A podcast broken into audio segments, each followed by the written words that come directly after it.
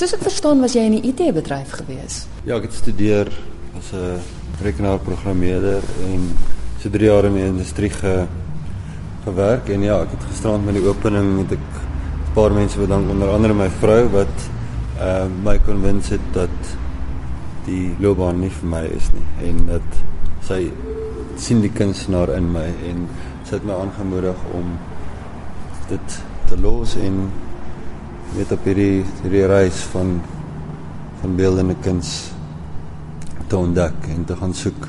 Ja, dit was 'n moeilike besluit ja. geweest het want ek meen almal sê mos altyd, "O, oh, nee aarde, daar's nie geld nie." ja, dit ja, definitief. Dis die dis die sekuriteit en jy gaan krepeer en 'n en 'n kunstenaar is 'n boemelaars lewe en en ensovoorts. So ek, ek dink dis die groot rede hoekom ek aanvanklik in die rekenaar industrie ingegaan het en ehm um, maar soos ek meer en meer blootgestel is aan die kontemporêre kunste in Suid-Afrika het ek gesien dat nee hier is wel groot suksesvolle kunstenaars en hulle hulle maak 'n goeie lewe en ja dit my aangemoedig. Ons gaan nou gesels oor jou verskillende tegnieke. Maar vinnig eers, wat is die titel van die uitstalling en wat het dit geïnspireer?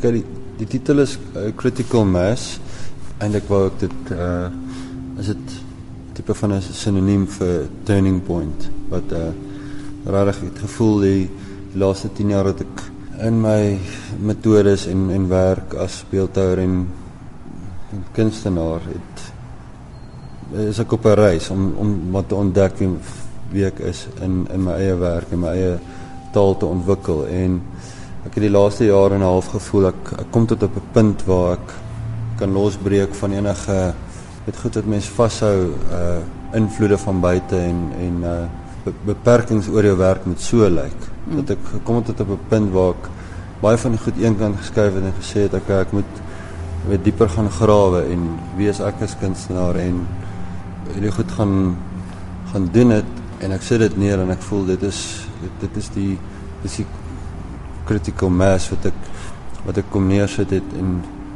daar is verskil van wat verlede is teenoor wat die werk vorentoe gaan gaan bring. Uit my uit en met en vir die die kunslover die die versamelaar die die mense wat dit waardeer die die publiek.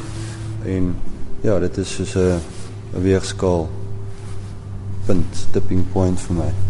As mens instap in die galery is hier 'n klomp smal kartonbokse. Dit is kartonne. Ja Jy het nogals heel gereeld karton gebruik in jou werk. Ja, ek ek verwys hierdie as na my ehm uh, dis soos 'n soos jy kry die gevoel van jy stap in 'n bos. Ja. Maar dit het, het ook die die uh omdat ek in die stad werk, dit het so 'n bietjie van 'n 'n stadgevoel, die beton, die die uh, blokkigheid van van geboue en so meer, maar tog is daar 'n tipe van 'n ambiance wanneer jy in hulle staan en die werk het die werk het in die studio geboorte gekry uit ja, die materiaal wat ek gebruik, die uh die karton wat 'n baie vinnige medium is.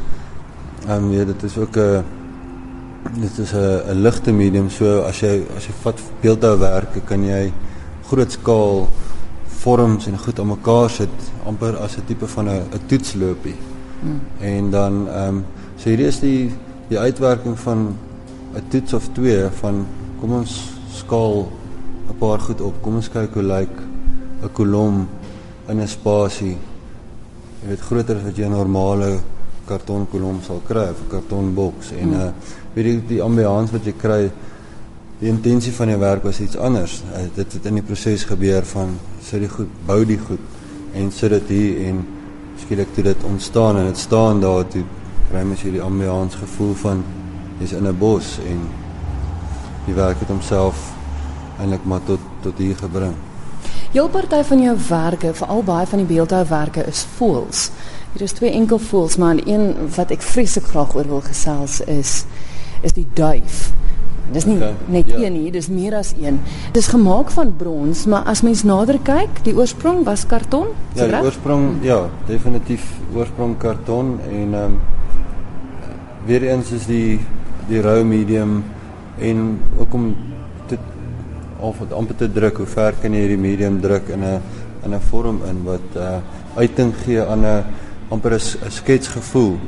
Ehm um, dis vir my nogal belangrik om met die ware wil van die die bronsgietery te bestuur en, en my eie loopbaan as kunstenaar is jy gedruk vir tyd so om iets amper onmiddellik te kry 'n resultaat onmiddellik te kry in die studio is vir my is iets waar weet wat my aangemoedig het om die karton te gebruik en dan ook die die verwerking van die oorgang van karton na na die metaal toe daai verwantskap van die vreeslike br brittel um amper 'n weggooi materiaal ja, wat jy dan ja.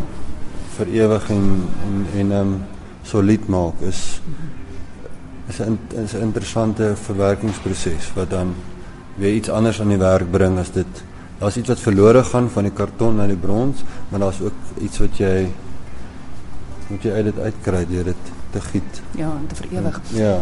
Dis nou 'n hele paar voels en dit is basies 'n duif in vlug want as jy verby die werk stap, is nogals 'n lang werk. Dit lyk letterlik soos 'n duif wat vlieg van een punt na 'n ander.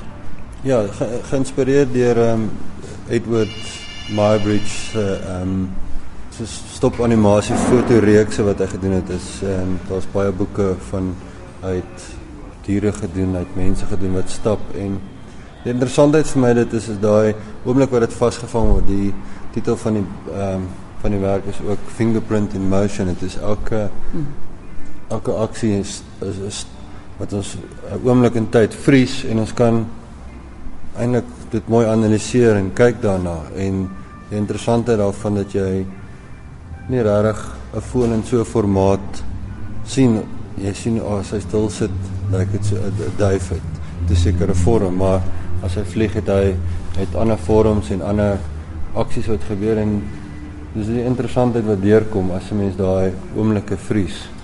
En ek het dit net uh omgewerk in 'n in 'n beeldstuk van die fotos. Baie gepas die die fotos wat Mybridge self geneem het was voor aansig en sy aansig en dit kom handig gepas by beeldhouwerk as jy driedimensionele werke doen het jy verskillende aansigte nodig van die objek wat jy maak so ek het van sy materiaal gebruik om as verwysing om my beelde te maak. Jy het self 'n gietery nou. Ja, ek het so ehm um, 4 jaar terug in um, in samewerking met met William Kendrick 'n uh, bronsgietery begin in um, in Johannesburg en ek het ons het ook ehm um, samewerk saamgewerk om sy om van die beelde wat ons giet te maak ook in dieselfde formaat. So ek baie baie van daai invloede is waar ek in, ook in sy studio saam met hom gewerk het en dit is maar net jy kan nie daai invloed eintlik ignoreer ja. of of wegsê nie dit is 'n uh, dit is soos 'n 'n paal wat geplant word in mense skepingsproses. Baie moeilik om iets weg te doen daarvan. So dit is dis altyd 'n 'n stryd om op op jou eie goeders te te volg. En dan die ja, die gietery is 'n ongelooflike platform uh, vir my as beeldhouer om dan ook werke te te skep en te maak. Nou buiten vir die klomp beelde wat uitmaak van hierdie uitstalling. Het jy ook ander mediums waarna jy gewerk het? Vertel my gou daarvan.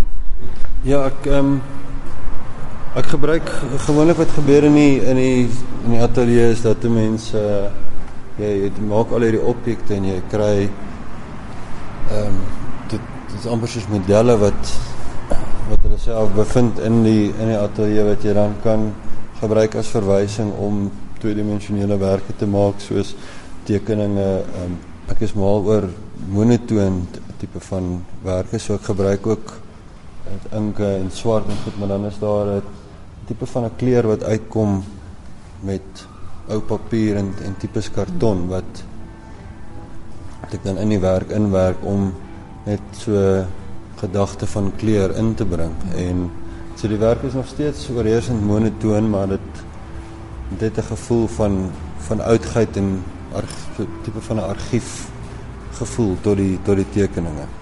En ek dink die twee werk goed saam. Die die tweedimensionele werke verduidelik op 'n manier die driedimensionele werke en andersom